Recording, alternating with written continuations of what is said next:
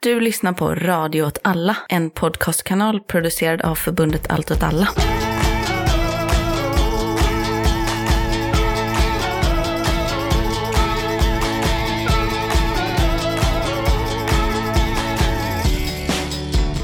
Hej, välkomna till Eld och rörelse Udda krig och perspektiv. med mig Martin Hansson. Och med mig, Myran Andersson. Hur står det till med dig? Tack, det var bra. Det, tack, det är bra. Det är fortsatt bra. Ditt liv eh, fortsätter spikrakt uppåt. On top. On top. Du har jobb, du har kvinna, du har en bostad kan man väl kalla det. Du bor i. Precis, som fler än jag uppskattar dessutom. Det är sjukt. Människor uppskattar att vara Hemma hos i, dig. hemma hos mig. Ja, nej, Det är helt bisarrt. ja, det är inte många gånger jag har varit hemma hos dig. Alltså. Nej, Nej, alltså, konstigt, konstigt få gånger jag har varit hemma hos dig. absolut. Det är bara att det är så mycket trevligare att vara hemma hos dig. Mm, det är det ju.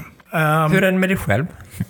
Jo, men det, det är helt okej. Jag är trött. Trött eh, småbarnslivet. Fortfarande det här vädret. Du vet att det pågår liksom, det är, du har signat upp för ganska lång tid av det småbarnslivet. Ja, då. jag var väl inte riktigt införstådd med att det var det jag signade upp på när det första gjordes. Men när det andra var på väg, då visste man lite vad som väntade.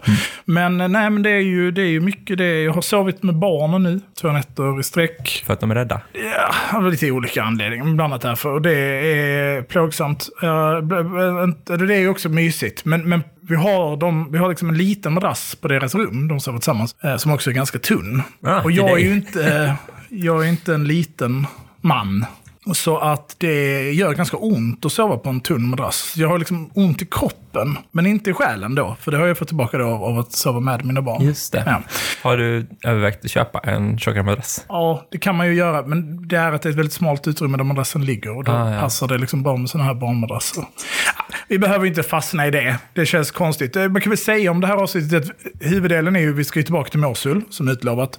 Det är inspelat för ungefär en vecka sedan. Det här försnacket och nyhetssvepet som kommer är inspelat den 24 januari, så det är bara två dagar innan. Så det har hunnit hända ganska mycket i Mosul på den här tiden. Det har, jag har faktiskt ingen aning om vad som har hänt i Mosul, men det har hänt mycket saker i världen. Ja. Var vill du börja? Med nyhetssvepsjingeln va? Ja, kör det.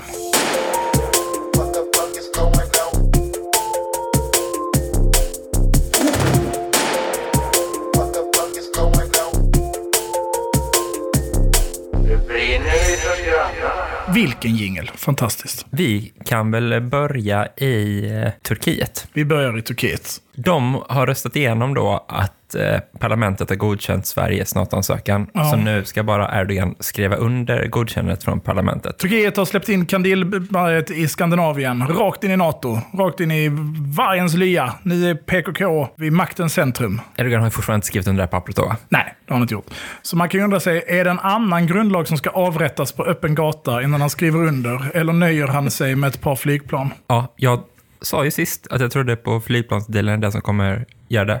Du höll inte med. Nej. Så- Blev det någon deal efter att de hade blivit lovade de där flygplanen då? De har inte fått flygplanen heller. Nej, de har inte fått flygplanen och dealen... Erdogan har inte skrivit på, så det hänger fortfarande i luften. Vem kommer få rätt? Nu kommer det ju hända. Okej, så nu, Nu, kom, nu kommer det hända. Alltså för nu är det så att förhoppningen var ju att nationalistfalangen skulle pressa eh, AKP, alltså Erdogan, att, att liksom inte gå med på det här. Eftersom att man då först ute varit och sagt så här, Sverige är ett PKK-näste, liksom. Och nu, är det okej? nu är det okej. det är skitkonstigt.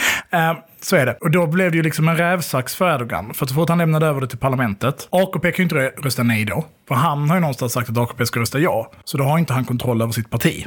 Om det skulle bli så, om han hade använt AKP. Och hade han fått nationalisterna, kemalisterna att rösta nej, då hade det varit som att han inte hade riktat styr på sin koalition. Men det kanske han hade kunnat gå med på för att blockera det. Men om parlamentet nu har sagt ja och Erdogan säger nej, då är det ju verkligen att Erdogan är den som säger nej. Liksom. Sen har vi ju då, vi har ju Orban kvar också, men han kommer vika sig alltså. Lite kan jag få känslan att det är någonting där bak i, i gallerierna som vi inte känner till. Liksom. Att nu har USA tryckt till båda två och sagt nu får det här bara hända. Liksom. För att Orban har ju också varit ute och sagt nu bjuder vi in Sverige till förhandlingar eller någonting som känns som bara någon sån dimridå för att sen kunna säga de förhandlade med oss så nu är det okej. liksom. Men vet någon om man, Sverige har gått med på eh, Ungerns ganska högt ställda krav? Nej, de har uttryckt, Sverige har uttryckligen sagt att man inte ska förhandla, Nej. utan man bara ska Men de har diskutera. ställt, formulerat väldigt höga krav på Sverige. Och frågan är om någon på UR har gått in och tagit bort det programmet eller inte. Som ju var det som, som var liksom kniven mot strupen. Absolut. Gör det Sverige. Och det känns ju lite som att Orbans spel i allt det här är verkligen som en sämre version Av Erdogans. av Erdogan. Liksom, Erdogan. Vi var beredda på att liksom döda en grundlag för Erdogan. Orban är så, kan ni ta bort det här programmet på IR? Och Sverige var så, nej, det gör vi inte. Men det blev det ju NATO. Du, du tror på det Ja, hela men vägen? fan, vad ska, nu måste det ju hända liksom.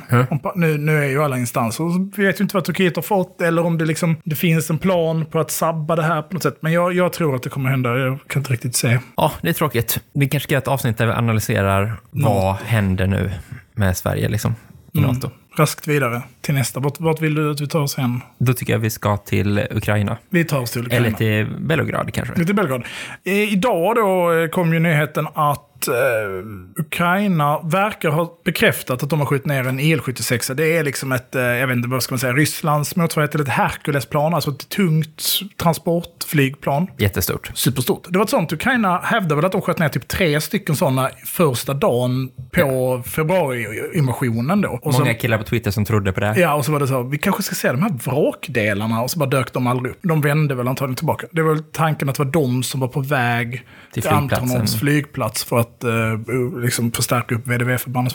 Skitsamma, nu verkar de ha skjutit ner den. Det verkar ha varit med ett eh, S300P-system som har skjutit ner den. Först var Ryssland ute och det var lite kul. Kul, alltså det är mycket med det här som är tragiskt.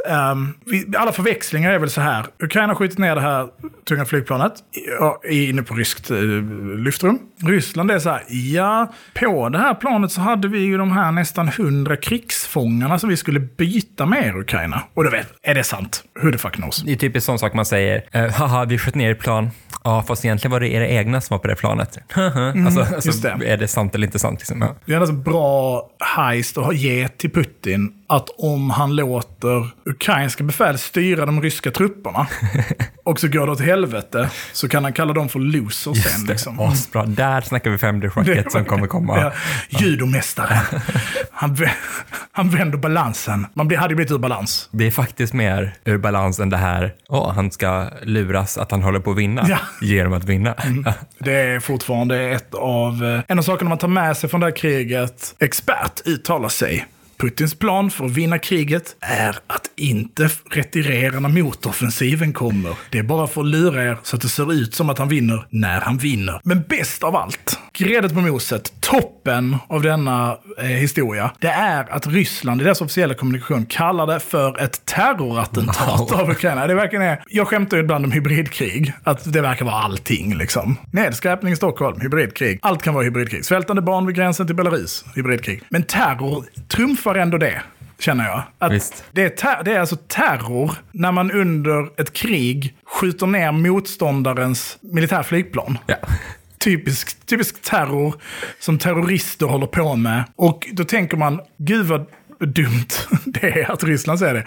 Men så är man också så, här, halva mitt liv har ju liksom USA gjort samma grej. Vår militärbas i Afghanistan är beskjuten av terrorister. Ja, jo, de- okej. ja. I Af- det är verkligen på andra sidan jorden. För den är, vad har ni en militär? Bjöd de in er eller hur? Nej, nej, nej, nej, nej okej. Men det är terror. Vi tar upp det, kollar upp, slår upp det i en ordbok. Terrorism, sätta civilbefolkning i skräck för att få igenom politiska krav. Eller maktanspråk, okej. Attackera en militärbas. Ja, Ja. ja. alltså, man, man hör ju, det dör soldater, civilbefolkningen blir rädda. Men då är ju också krig. Att föra krig. Då är ju är krig ju terrorism terror, ja. per definition. Liksom. Ja. Men det känns ju som att det har varit urholkat länge. Och Ryssland har Precis. kastat in Nu sin slår terrorkylan till Ja, i Sverige. precis. Liksom. kylan som vill få svenskarna på knä och genomdriva sin kylvänliga politik. Jag tror inte det är en riktig rubrik, jag hittade på den. Men, men absolut. Nej, Ja. nej.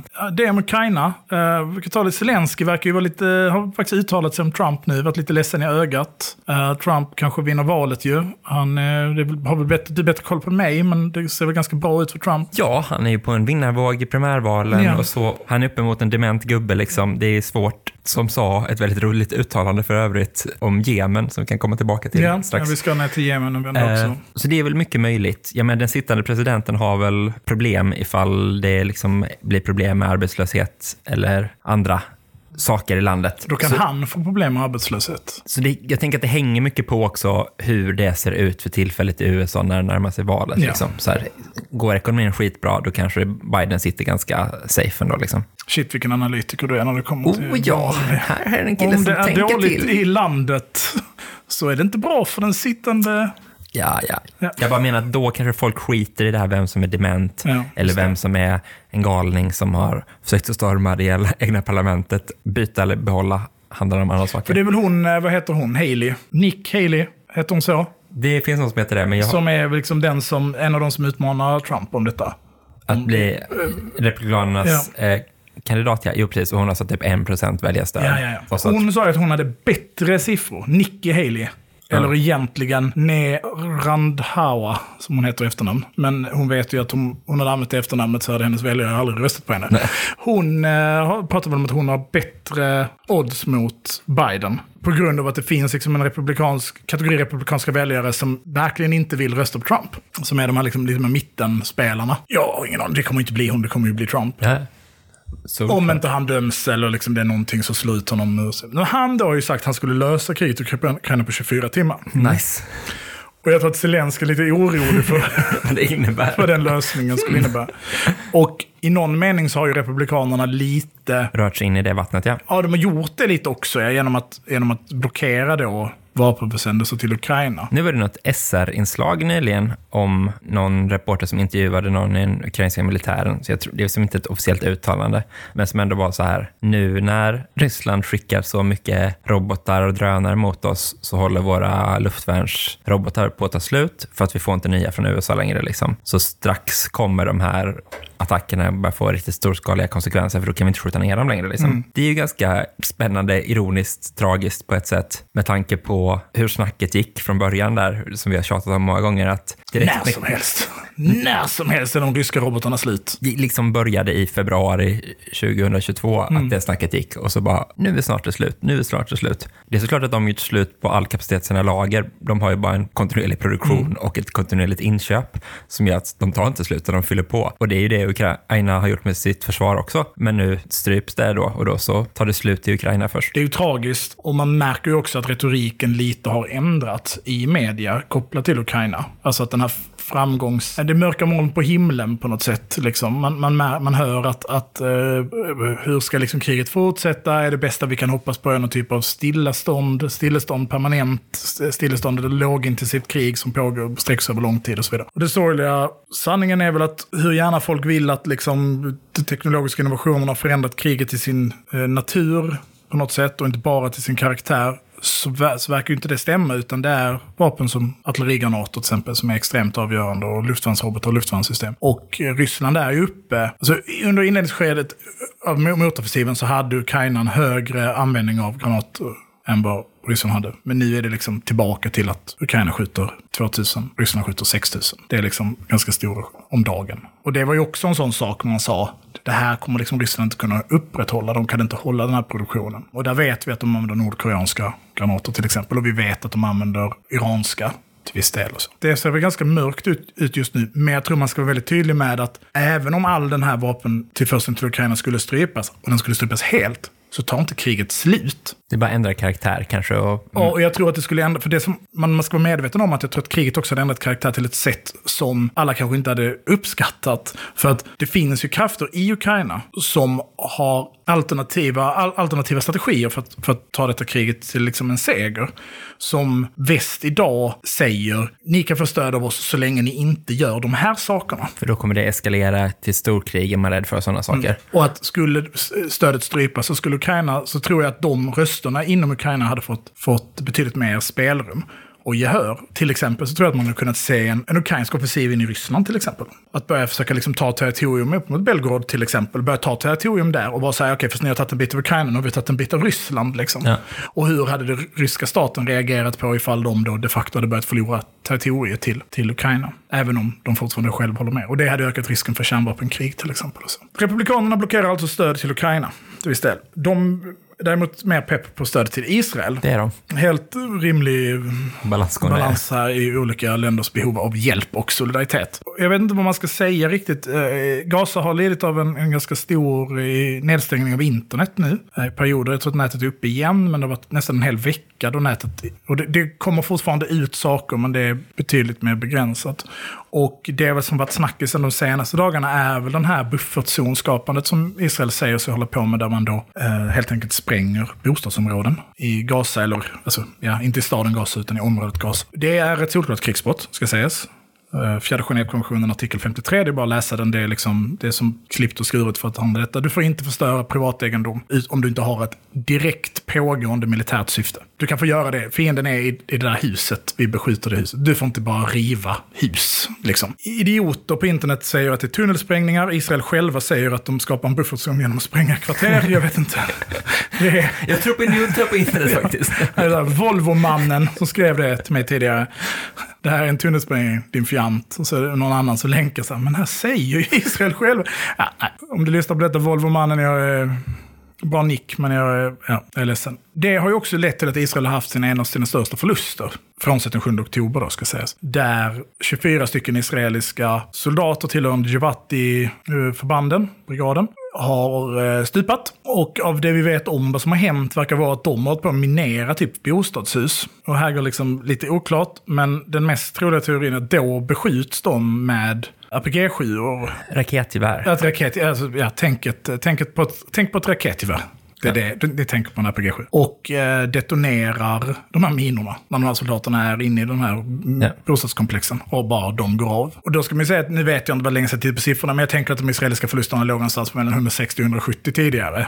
Och nu dog det 24 stycken i ett svep. Det är liksom mer än en 10 procent i de totala. Så det är ju stort. Men annars så, det, det är liksom det är så här, De, men de sa någonting om att de kunde tänka sig två månaders vapenvila ifall Hamas släppte resten av gisslan. Det har väl Israel själva förnekat att... Jaha, eller, okej. De har sagt det, men de förnekar att Israel, eller Hamas har sagt att de inte går med på det. Men är det lite... För, för det verkar vara som att Hamas har sagt nej. Okej.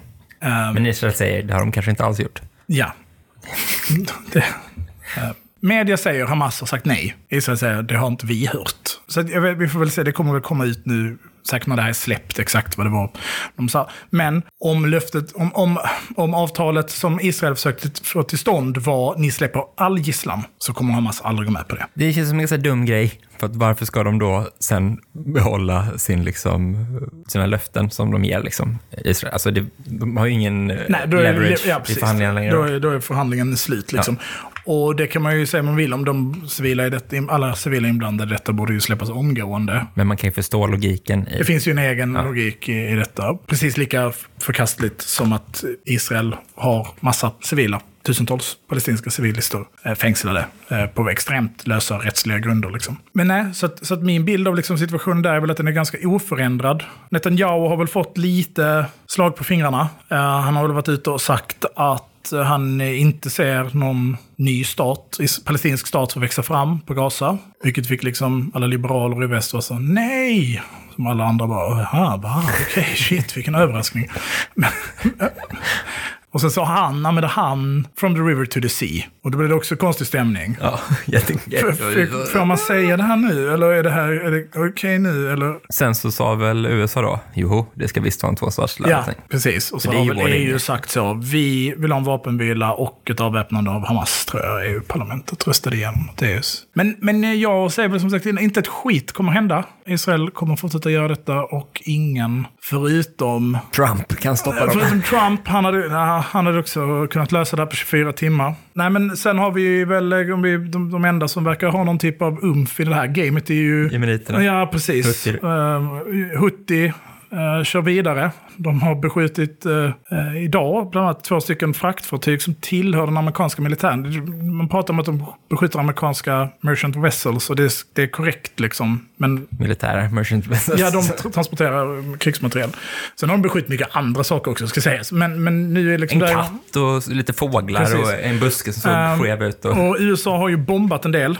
Det var där Biden fick frågan, hjälper bombningarna mot Jemen? Och Mest, mest, klarsynta, mest klarsynta ögonblicket för alla militärnördar i hela världen utspelar sig när en amerikansk president bara rakt, upp säger, rakt ut säger hjälper bombningarna? Nej! Eller, alltså, det beror sig på vad du menar med hjälper. Kommer de stoppa eh, Houthi-rebellerna? Nej. Men kommer vi fortsätta? Ja.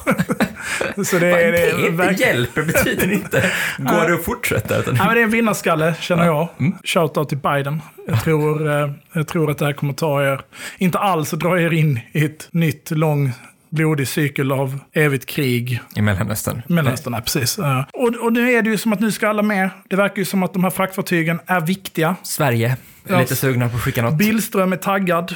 Vi kan skicka en båt. Tyskarna sagt, vi kan också skicka en, en båt eh, med så jävligt bra radar på. Det vore ju roligt för Sverige skickade en båt och den sjönk. Väldigt tråkigt för någon dog, men roligt med båten kan jag känna. Då blir det väl att vi skickar en sån Visby-klass Super. Stealth Sådana har vi inte så många. Nej, det är sorgligt. Framförallt sorgligt när en sån speedboat, huttig-kille, glider in med turban och skjuter sönder skrovet som är gjort av papier-maché och, och eh, kolfiber. Sverige ska ju med där och skydda fartyg. Det verkar jävligt viktigt att de här fartygen ska skyddas. Nästan som att det är lite viktigare än att skydda palestinska barn från att bli bombade. Det är också något vår, vår, vår, eh, vår flotta hade kunnat jobba med. Om de hade satt luftvärnsrobotar på våra fartyg och inte bara de här superspliciga kanonen. Det Äh, bara det det kommer an på.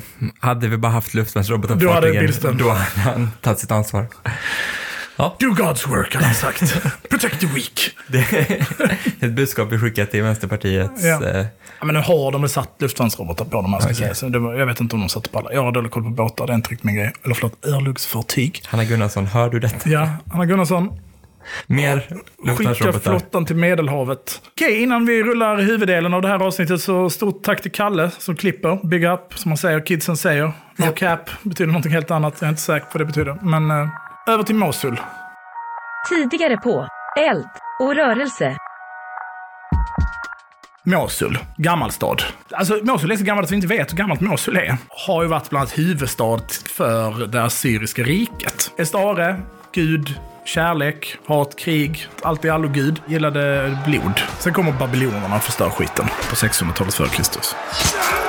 År 627 i vår tideräkning så tar perserna från Östrom. 20 år senare tar araberna det från perserna. Och då byggs eh, en moské på Tigris västra strand. Det är där al-Baghdadi, IS ledare, 2014 utropar kalifatet. Staden då Iraks näst största. Iraks Göteborg kan man säga. Den ligger långt bort från Bagdad. Det är den näst största staden. Den är sunnimuslimsk till skillnad från Bagdad som då är. Shia-dominerad. Frågan är ju då hur den här organisationen lyckas ta Mosul. Det är ju trots allt Iraks Göteborg. Iraks Göteborg. ja. Det är så att när Mosul intas av Islamiska staten 2014 så gör de det med 1500 kombatanter. Huvudanledningen, det är hybridkrigföring. I ordets faktiska bemärkelse. Och otrolig inkompetens. Unhinged corruption. Det är...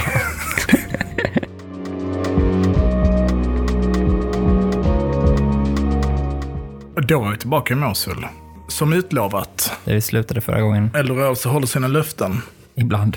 Väldigt sällan. Där vi lämnade sist så hade irakiska armén, reguljära armén, kombinerat tillsammans med PMI och PMF och ska väl sägas andra irreguljära stridskrafter som PKKs väpnade gren, se till att skära av Mosul i princip. Vi är då på eh, den första november efter att de här tömningsoperationerna gjort med samhällen runt omkring Mosul. Det låter som att det är liksom en enkel bit, men striderna är tunga redan då. IS är inte inkompetenta i sitt, i sitt försök att försvara Mosul, utan tvärtom så, så förstår de att de behöver, som det är någon typ av utnötning och fördröj, fördröjningsstrid de behöver bedriva, så att många av de här mindre samhällena kräver en hel del strid. Och eftersom att läget med civilister och att man inte heller vill liksom fullständigt ödelägga det man strider mot, vilket kan ju skilja sig lite från det konventionella kriget, så är det också svårt att eh, agera urskillningslöst. Så att de här striderna kan delvis bli tunga. Men de huvudsakliga bördan för de striderna eh, är ju trots allt då den irakiska reguljära armén och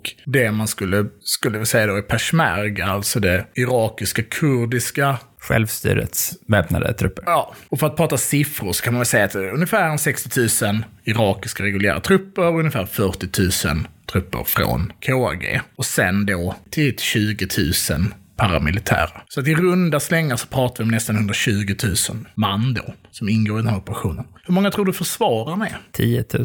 En jättebra uppskattning. Man vet inte riktigt, det är väl det riktiga svaret. Men, men man uppskattar det att ligga någonstans runt 10 000 i alla fall. Jag är nöjd med min gissning då. Mm. Och vi vet ju ungefär hur lång den här operationen är. Den ska ju pågå i nästan ett år. Och tar man med förarbetet inför den och föroperationen så är den definitivt ett år. Då är det mer än ett år. Trots dessa styrkeförhållanden. Och då är det ju inte på något sätt en peer on peer. Det är inte en, en eh, jämnstark motståndare sett till teknologi till exempel. Flygvapen och så vidare. Utan det finns ju ett enormt övertag. För, Men finns det inte ett motövertag för IS då att de har stridsvana och sådana saker? Ja, de är motiverade, de har stridsvana, men de saknar ju då stöd från amerikanska flygvapnet, brittiska flygvapnet, franska flygvapnet och det turkiska flygvapnet. Det Men, räcker bara så långt, ja, såklart. men någonstans så berättar ju också det här om man då ska dra de parallellerna till dagens situation, alltså där den liksom teknologiska övermakten, vad ger den en? Jo, man vinner, men till vilken kostnad? Och framförallt då, vilken tid pratar vi om? Med dagens situation så syftar du på Gaza eller? Ja, som ju då tidigt i invasionen av Gaza så pratades om att det här skulle ta veckor. Och jag var tidigt ute och sa,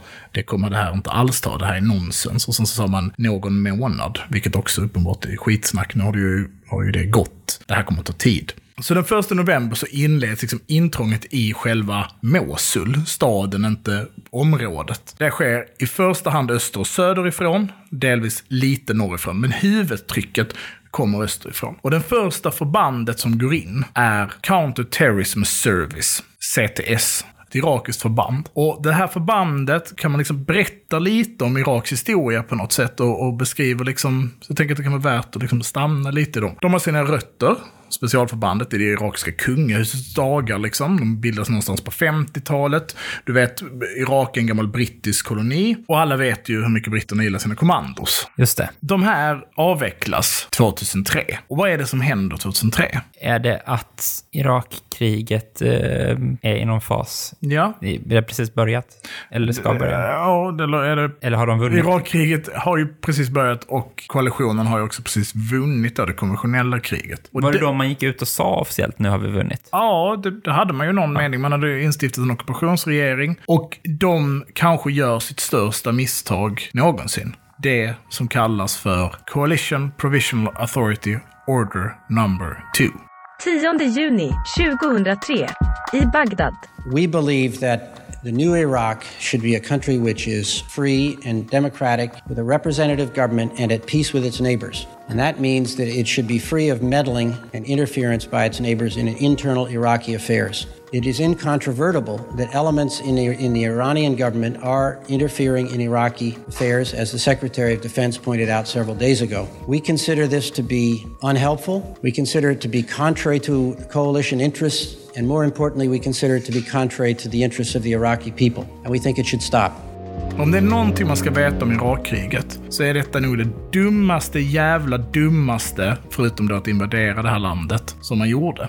Poängen med den här ordern, det är helt enkelt att man upplöser Baathpartiet och alla institutioner som är direkt kopplade till Baathpartiet. Vilket innebär att man över en natt upplöser Iraks alla väpnade styrkor. Så man upplöser den reguljära armén, man upplöser hemliga polisen, man upplöser miliserna. Det finns, Saddam har en hel bredd av olika miliser. Med det så slutar lönerna komma. Har man avväpnat de här människorna? Det låter inte så. Nej, visst, man har ju avväpnat de delarna av, av irakiska försvarsmakten som man har liksom bekämpat och fängslat och så vidare. Men över natt så går det ut en order. Ni finns inte längre. Ni har inga jobb längre. Ni är arbetslösa nu. Förresten, ni kan komma lämna in era vapen. Den 23 maj 2003 så föder man på något sätt det som sen ska bli IS. För vi kommer ihåg Saddams styre, visst, av en jättemärklig röra av sunnitisk mytologi och irakisk liksom, Modernism nationalism. och och- nationalism. liksom med, med, med spår från liksom fascistpartierna och, och Nazityskland till och med. Det är liksom en, en salig blandning som är liksom Saddams eh, vilar på. Men det är i grund och botten ett sekulärt samhälle. Så Saddam Hussein och Baathpartiets rörelse är i grund och botten sekulär. Även om man tar sig stöd i den sunnitiska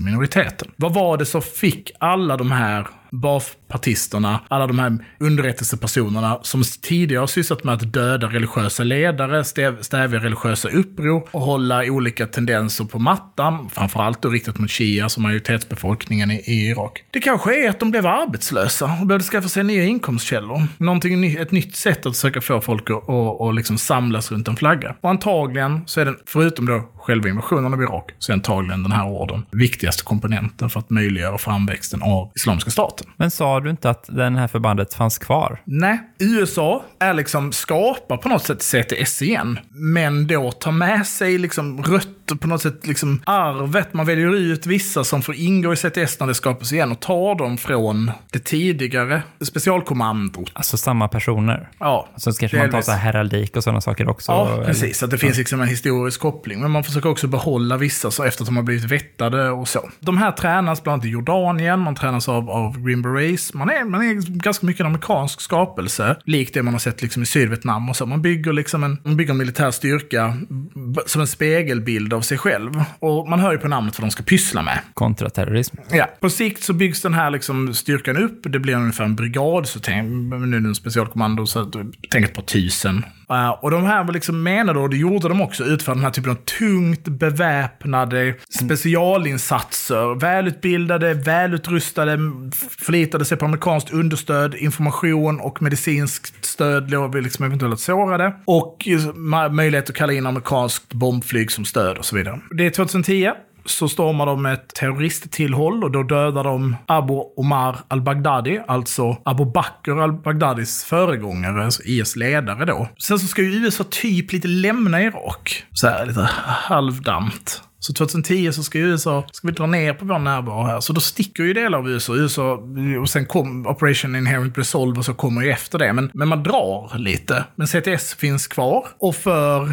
regimen i, i, i Irak, Maliki, som vi pratade om i förra avsnittet, han, CTS är liksom ett av de få dedikerade, välutbildade, lojala förbanden som finns tillgängliga liksom, för resten av Irak som är. Ja, men vem fan ska man bygga armén av sen då? Man kan ju inte hitta på ny, man kan liksom inte ta fram nya unga män i åldern mellan 18 och 25. Så man får ju liksom rekrytera in dem igen. Ja, vi behöver en general liksom för de här divisionerna. Vem, vem ska vi ta? Han den gamla Ja, vi har ju de här gamla generalerna. Alltså, liksom, Det blir lite Västtyskland överallt ihop. Liksom. Västtyskland behöver en armé. Ja, okej. de får ju gärna vara tyska. Ja, det är ju bra om de är tyska. Vi har de här. Ja, det är ju de här Wehrmachtsoldaterna vi har att välja på. Ja, men, så då får man ju CTS. Och, om man inte har någon annan, om man bara kan lita på de här, och de är ju välutbildade och så. så CTS får ju då göra väldigt mycket vanligt soldatuppdrag. De får patrullera och de får hålla i checkpoints. Lite, lite slöseri då. De är- Lite under deras nivå. Tycker de själva det också? Ja det, ja, det tror jag definitivt de gör, men också så är det ju ett problem för att det är ju som att de bara brottar ner folk och gör använder- ninja-grepp på dem för att de kan det liksom, eller nej? Men mer som att du har, du har lagt alla de här pengarna och tiden på att utbilda de här människorna till de här väldigt här, repillera från en helikopter. eller Vad det nu kan vara. Och sen ska du bara ha dem till att ja men du ska bara gå här ute i öknen. Alltså det är ett slöseri någonstans på resurser. De kan hoppa genom sådana brinnande eldringar. Du kan bita en orm. Du kan bita ihjäl en orm med bara sina tänder. Och det använder man inte dem till. Man använder dem till helt andra saker. Och det här hänger mycket ihop med att de andra liksom, divisionerna, de andra större förbanden i Irak som är representerat extremt dåligt. Hör och häpna, de är inte jättemotiverade liksom. Så att när offensiven in i Mosul inleds, att faktiskt gå in i de, de östra delarna, då är det CTS som får liksom gå i bräschen. Men då får de också gå i bräschen som en normal jävla infanteribrigad. Inte som Nej, de ska inte göra några speciella operationer. Det är liksom inga komplexa grejer. De ska, de ska in i den här stan, de ska tömma hus från hus, de ska strida längs gator. Alltså, Det låter samtidigt som att den styrkan de möter i IS är ju lite mer av en terrorgrupp än en reguljär armé, än vissa andra reguljära fast arméer. Kanske en, slagfältet de möter är ju väldigt konventionellt. Så, det är inte en quasi eller semimilitär eller semipolisiär aktioner de ska bedriva. De ska bedriva helt konventionellt krig där fienden skjuter granatkastare på dig och du ska... Liksom, erövra en stad. Ja. Absolut. Mm. IS är, är ju inte inkompetenta. På alla områden. På alla områden. De är väldigt inkompetenta på att hålla en stat igång, till exempel, skulle det ju visa sig. De är också väldigt inkompetenta när det kommer till att tänka med sin hjärna.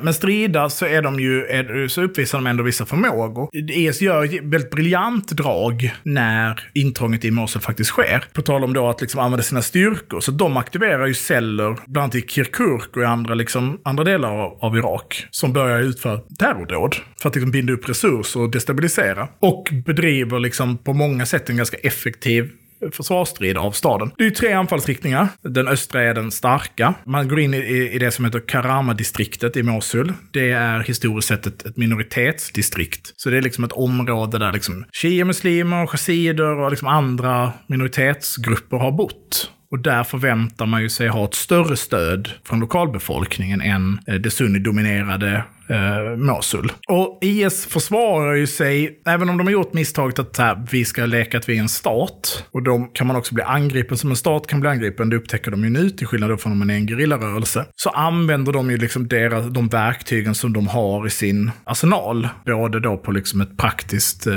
operationellt och taktisk nivå, men, men, men också då sett till krigsmateriel. Så det är liksom otroligt försåtsminerat. I beskrivningen av slaget om Mosul så är det väldigt mycket med att man har byggt in bomber i dörrar till exempel. Vilket gör att många förband väljer att liksom skjuta upp dörrar eller hål i väggarna med pansarvagnsraketer istället. Eh, vilket ju då tvingar dem att bli förövare på något sätt gentemot civilbefolkningen. Man ser sina hem bli sönderskjutna och söndertrasade trots att men det är ingen där inne, vi kan inte lita på dig, vi kan inte öppna den här dörren. Och då ska man också komma ihåg att stämningen är ju, den är ju inte god liksom. Alltså den styrkan som kommer dit är ju antingen kurder från norra Irak, som inte identifieras som sunni-araberna i Mosul och har ju varit utsatta för liksom fruktansvärda övergrepp, både historiskt men också i närtid av, den, av den gruppen. Och sen är ju den vanliga värnpliktiga soldaten är ju en shiamuslim. Alla hatar Göteborg. Alla hatar, nu kommer Stockholm liksom. Det här är liksom återkommande att man kommer in i de här samhällena, man kommer in i Mosul, man letar efter informatörer. Det ska sägas att det sker ett lokalt uppror inne i Mosul när offensiven är på väg, där, man, alltså där det sker ett anti-IS-uppror inne i Mosul som hinner slås ner väldigt drakoniskt. Jag har försökt hitta liksom mer information. Det, det finns inte så jättemycket att tillgå, så det är svårt att säga vilken skala det sker i. Men det finns liksom försök att understödja Offensiven. offensiven på något sätt in i, in i Mosul. Men sen så använder IS då såklart självmordsbombare och Swebeds, alltså bilar eller fordon, självmordsfordon. Bland annat finns det flera eh, skildringar som är kopplade till traktorer eller liksom tunga bulldozrar. Som man är så här, ja men vi behöver liksom stridsvagnar för att skjuta sönder de här. Som kan ödelägga i princip hela kvarter med den styrkan de har. Alltså med den sprängladdning de har. Ja. Och då har de pansarplåtar, eller plåtar uppsatta på sig så de kan inte bli... Typ av Frankensteins fordon på något sätt. Där man liksom har De är starka nog för att bära jättetungt och då bär de plåtar runt sig själva och sprängmedel Ja. i sig själva. Och i vissa fall så är det en person som framför dem, i andra fall så är de ju liksom styrda på avstånd. För IS har ju liksom en militärindustri på något sätt i, inne i, i Mosul och i flera av sina städer där de producerar de här egna skapelserna. Det finns ju anklagelser mot IS och vissa av dem är belagda kopplat till att de försöker framställa kemiska stridsvapen, att bland annat klorgas och så ska, för att klor ska ha blandats in i sp- sprängämnen till granatkastare och så försöker sprida. Det är också så. Det finns ett dokumenterat fall som rör en fabrik som man spränger, som skadar tusentals människor av, av liksom kemiskt. Men det här med de mer specifika kemvapnen är lite mer eh, diffust. Och jag kan väl känna att det kanske var något IS försökte göra men inte lyckades med. Kräver ändå en viss... Ja, liksom, så eller av- råkade, de, råkade inte vara någon där den Ja. bomben detonerade. Alltså, och sen så känns det lite så hörsägen, alltså liksom lite den här idén om, om eh, det bestialiska IS. Som du ifrågasätter. Nej, de är verkligen riktiga jävla rövhål. Alltså, man ska, ska vi kan väl understryka det, att när man pratar om att så här, den här ordern då skapar IS 2003 på något sätt, så är det ju, den skapas ju också av riktiga jävla rövhål. Alltså, De väljer ju ändå att... Alltså nu har vi kommenterat inte det jättemycket förra, vi pratade väl lite om övergreppen och gick och så, men det kan ju vara ganska svårt att läsa om de övergrepp IS gör. För att de är som att någon har hittat på att någon är superduper ond och gör superduper onda saker.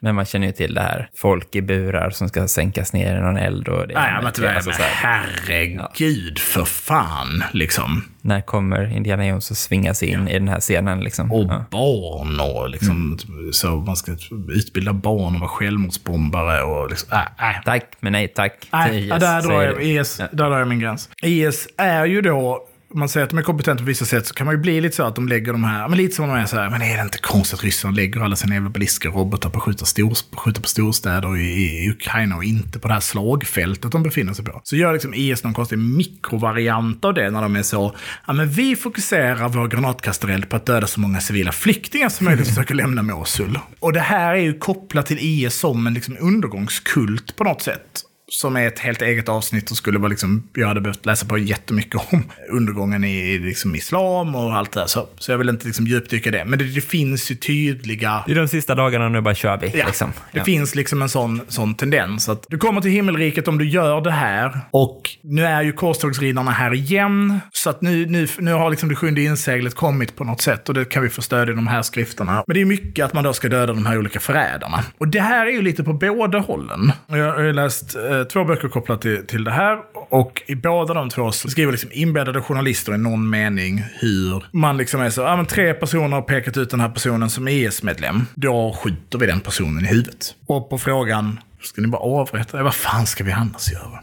Alltså att man behandlar liksom också dem som sjuka hundar på något sätt. Att det är så. Vi kan inte rehabilitera, det kommer aldrig bli en människa av den här. Han är ju hjärntvättad och förstörd. Vi kan skicka honom till ett av flyktinglägren. Men då kommer han börja mörda människor inom de fly- Alltså, som att de har blivit besmittade på något sätt av det här. I en av böckerna jag läst så finns det en, en, en väldigt fin passage som handlar om där journalisten under lång tid intervjuar en pappa som bor i ett flyktingläger som är mosulit då, eller kommer från Mosul. Där han tidigt i alla intervjuer beskriver sin son som efter och korkad och, och så. Han, men han var ung under tiden IS styrde. Eh, han har sagt vatt i moskéerna någon gång och de försöker hjärntvätta honom. Men, men han blev liksom aldrig IS, men han hade kunnat bli och så. Men sen så växer det liksom fram att sonen är det. Att han har varit med i IS och han har liksom agerat för dem.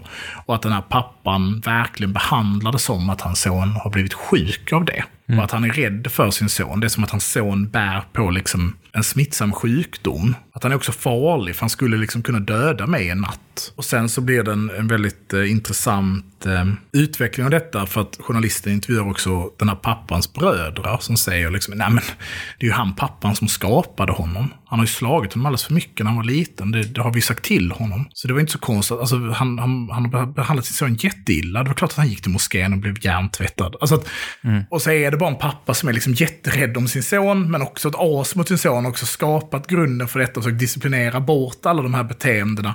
Men också att man kan känna igen det så här i pappan eller föräldern som bara försöker skydda sitt barn. Jag kan liksom inte gå och berätta för myndigheterna. Min son har varit med i IS. Han har begått jättehemska brott. Självklart har han gjort det. Ni borde döma honom. För att han kommer bara bli skjuten i huvudet. Alltså, Det är det som kommer hända, är att han kommer bli avrättad eller torterad till döds eller så. Det finns liksom ingen hjälp att få. IS lyckades liksom sprida den här smittan på något sätt bland, bland våra barn. Den här liksom farsoten så, på något sätt som är i Mosul gör ju att striderna går väldigt långsamt. För att det här hotet är ju verkligen tredimensionellt på något sätt. Det är den här som vi snackade om förra gången, att det har varit någon sorts kulturrevolution i någon utsträckning då. Och att de människorna finns liksom, Ja, som de- verkligen är IS-anhängare. Ja, och de kommer i flyktingströmmarna. De kanske gömmer sig i flyktingströmmarna. Det kanske finns en självmordsbombare i den flyktingströmmen. Ska vi stanna den då? Ja, nu är det en granatbeskjutning från IS. Ja, alltså man, det här är... IS eh, använder ju också mänskliga sköldar väldigt aktivt. Eh, det, det, och, och det här ska man också ta med en nypa salt. Det gör de. Det finns vissa, vissa belägg som är kraftiga för det. De mänskliga sköldarna blir också liksom ett sätt för USA att rättfärdiga att det dör väldigt mycket civilister i,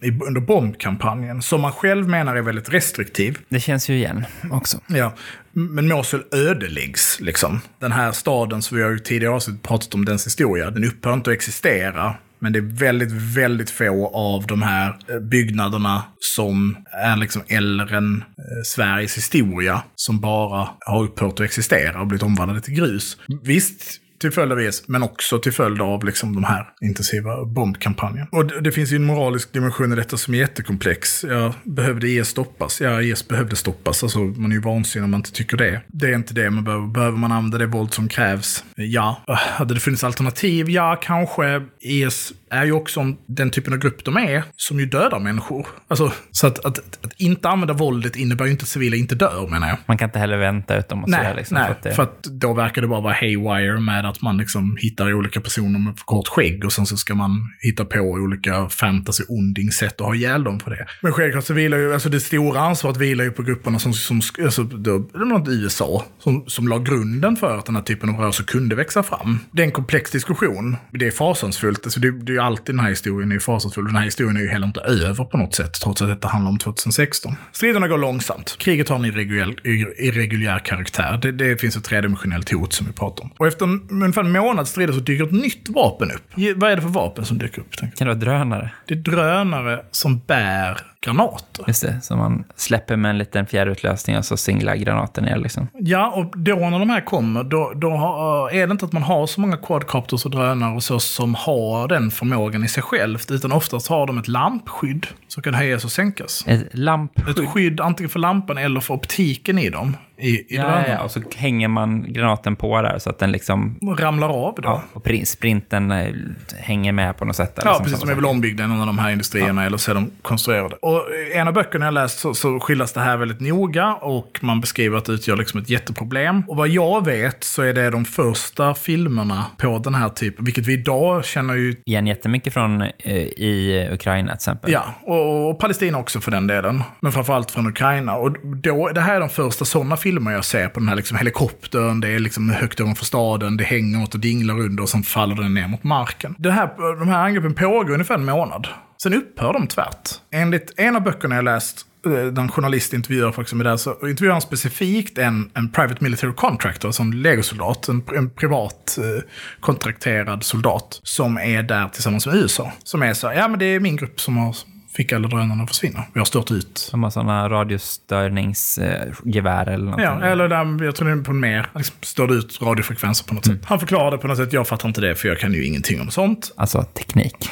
Men på något sätt så föds ju, föds ju det här vapnet. Och att det inte är så länge sedan. Och samtidigt är det så att när alla var, upptäckte krig nu, när kriget i Ukraina, bara wow, jag har aldrig kunnat, man aldrig kunnat följa ett krig på så här sättet. Så bara, jo, men det har man. Och någonstans är det också IS som på många sätt skapar det kriget. Där man liksom kan följa det med en GoPro-kamera och ge dem en drönare. Efter en månad lite mer så kontrollerar irakiska styrkor större delen av de östra delarna av staden. Hör, det är diffust här. Ja, jag förstår. Det är, liksom, det, är en, det är en del av den östra... En stor del. Man har, man har trängt in en bit. Och i USA bedriver liksom en extrem intensiv bombkampanj. Och det går långsamt. Och det här är ju då från november till den 24 januari så har man liksom stridit sig fram till Tigris. Eh, IS har sprängt några av broarna, USA har bombat några broar. Jag tror att det är en bro som står fortfarande. Och det är broar som verkligen är så här, legionärer har marscherat över de broarna. Och den 24 januari så utropar irakiska armén att de har befriat Mosul. Då kontrollerar de de facto Mosul öster om Tigris. Så då är liksom halva staden kvar. Jag pratade tidigare om att det fanns liksom en lucka ut, att flyktingar, den är tillsluten. Det liksom handlar om att det är som ska. Så de kontrollerar halva Mosul och sen har de liksom inneslutit resten. Så trots att då de utropar vinst den 24 januari så fortsätter kriget. Vissa av dem är liksom regelrätta offensiver och motoffensiver. Och det här ska sägas att IS, och det här med att man kan strida på ett sätt enligt en kultur. Man kan ju prata om att IS behåller på något sätt sin doktrin, sin karaktär och strider. Och det är ju i grund och botten off alltså det är liksom offensivens doktrin på något sätt. Det är blitzen. De slutar liksom inte med sina motoffensiver, utan de anfaller och anfaller och anfaller. Och det kan ju ha med luftövertaget som, som USA ger till den irakiska armén. Så att under hela slaget om Mosul så anfaller liksom IS. Spännande och känns ju jättesvårt då ifall man är sånt himla numerärt underläge. Liksom. En försvarsdoktrin som kanske känns mer rimlig ifall man är numerärt fler än den anfallande. Du tänker lite Sovjet, Röda armén. Liksom. Ja, men å andra sidan så kanske då så kanske man måste tänka att, att vänta och status quo är liksom det största problemet. Och det kräver ju en extrem dedikation. Och det kan man också läsa, om man läser mer så brukar man prata om att försvararna av Mosul och många andra styrkor i Mosul är att hälften är utbildade soldater och en del av dem är välutbildade och skickliga. Men andra hälften är tonåringar helt utan militär träning. Och det kanske är de där tonåringarna man försöker använda till att göra många av de här motoffensiverna. Eh, Och rädslan för de här svibelsna är ju väldigt stor. Alltså det är ju en... Såklart, står det där när den kommer så går man i luften med den. Då. Precis, och varje, varje motor som låter är på något sätt liksom ett potentiellt hot. Och andra delar av, av kriget då efter, efter när man har utropat den här segern 24 januari ter ju sig mer som rena rensningsoperationer. Alltså där man liksom, vi måste gå från hus till hus i det här området, i den här stadsdelen för att ta reda på vem som är här. Och där man kanske inte möter särskilt mycket motstånd alls. I juni så retirerar IS från delar av gamla Mosul, som ligger alltså på västra stranden. Och irakiska armén närmar sig Al-Nuri-moskén. Vad var det nu med Al-Nuri-moskén? Det var väl där som IS utropade kalifatet. Exakt, det är där Abu Bakr utropar kalifatet 2014. Och när den här moskén, som vi pratade om, med sitt långa historiska arv, när IS drar sig bort, retirerar från den, så ödelägger de den. De har liksom minerat den, spränger den. Och den lutande minareten då Föll. föll. Det anklagar IS USA att ligga bakom, att det är USA som har bombat. Eh, Det görs ett par utredningar om detta. Eh, och de jag har kunnat se så talar det liksom sitt tydliga språk för att det är en detonation som sker inifrån. Den är liksom minerad. Det är IS som ligger bakom den. Efter detta så är det liksom en lång utdragen strid som fortsätter i flera samhällen väster om Mosul. Där PMI och, och, och miliserna spelar en, en viktigare roll. Men i september kan man väl säga så är Mosul i någon mening eh, befriat. En intressant beskrivning av, för vi pratar mycket om IS nu, men en intressant beskrivning av, de, de, av den irakiska armén och peshmerga som jag hittar återkommande i många beskrivningar är att man beskriver IS som kompetenta delvis och sen så har man andra som är betydligt mindre kompetenta. Så är det någonting som går igen väldigt mycket i de andra styrkorna också. Peshmerga beskrivs återkommande som ett hopkok av eh, veteraner som ibland är liksom alldeles för överåriga, alltså i 50-årsåldern, som fortfarande agerar skyttesoldater, som klär sig i traditionell klädsel och inte liksom uniform. Unga män i uniform, som inte verkar ha någon som helst träning. Men återkommande för allihopa är att de till stor del verkar vägra använda kroppsskydd. Att det finns liksom en sån, ja men det är bögigt med skydd.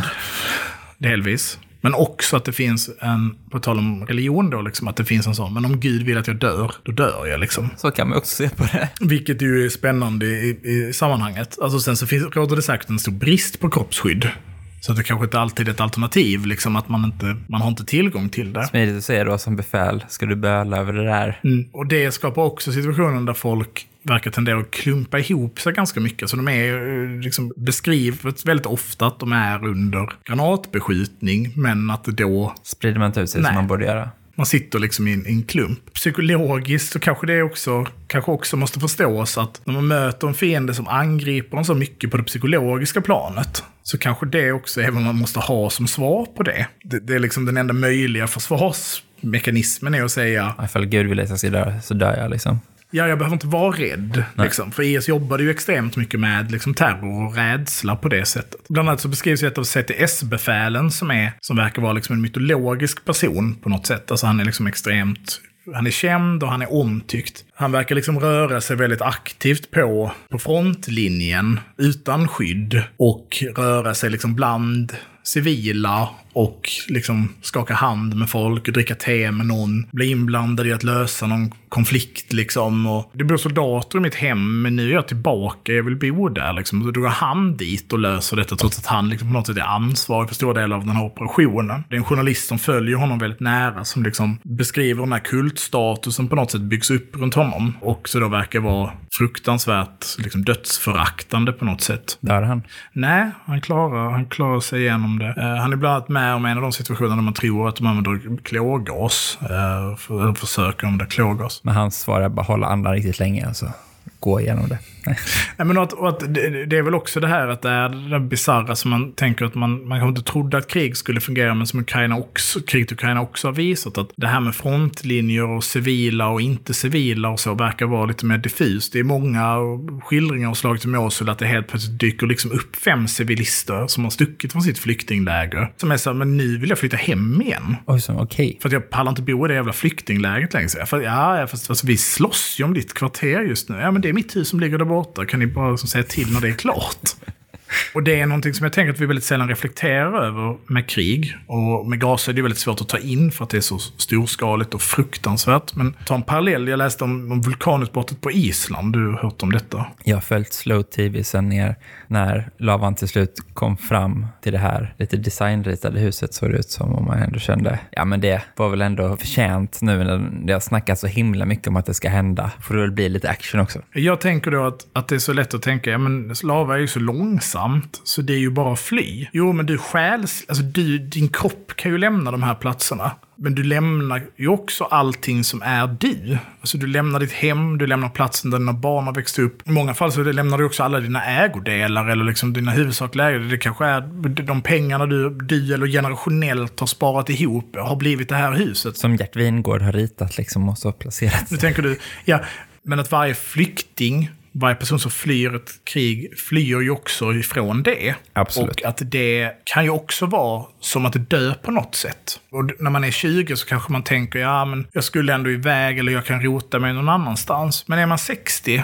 eller 70, Kanske man hellre bara dör hemma. ja, Absolut. Okej, ska jag spendera de sista åren av mitt liv sittandes i ett flyktingläger nu? Och det gör det kanske mer begripligt på något sätt, den här absurda situationen som verkar vara återkommande i beskrivningen av Mosul. Att, att folk utsätter sig liksom också för jättestora faror för att få komma hem igen. Och vad är då hem? Och vad gör det med en? Vad gör det med människor att bli berövade det? För Mosul blir ju som sagt till större delen ödelagt. Det finns någon uppskattning på att det kommer att kosta över en miljard dollar för att genomföra basic repairs av staden. Inte kultur återställa alla historiska byggnader. Nej, men jag tänker att det är så här, så att det finns ett vägnät igen. Det kanske finns vattenledningar igen. Men inte återbygga de förstörda husen till exempel. Så det ristar ju in ett enormt trauma i ett land och i ett folk på något sätt. Och blir ju också på så sätt en liksom ytterligare en pusselbit i Mosuls helt bisarra historia. Från eh, Jona i valfisken, Assyriska riket, Estare, till Perser, till Babylonien, till Islams erövring, till korståg och Saladin. Så liksom har staden också på något sätt överlevt amerikanska bombflyg, IS självmordsbombare, lynchningar och liksom ritar en, eller sk- skriver på något sätt en,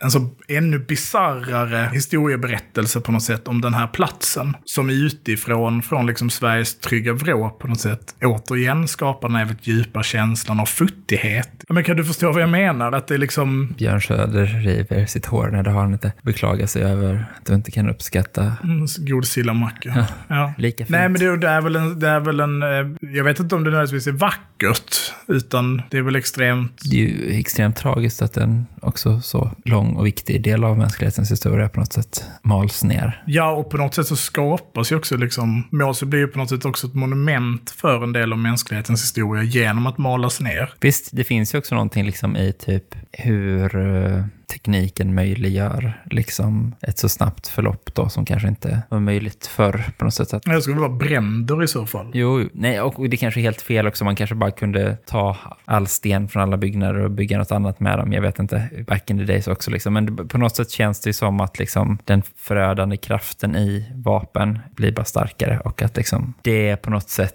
då kan förstöras och någonting som har funnits så himla länge, så himla snabbt liksom.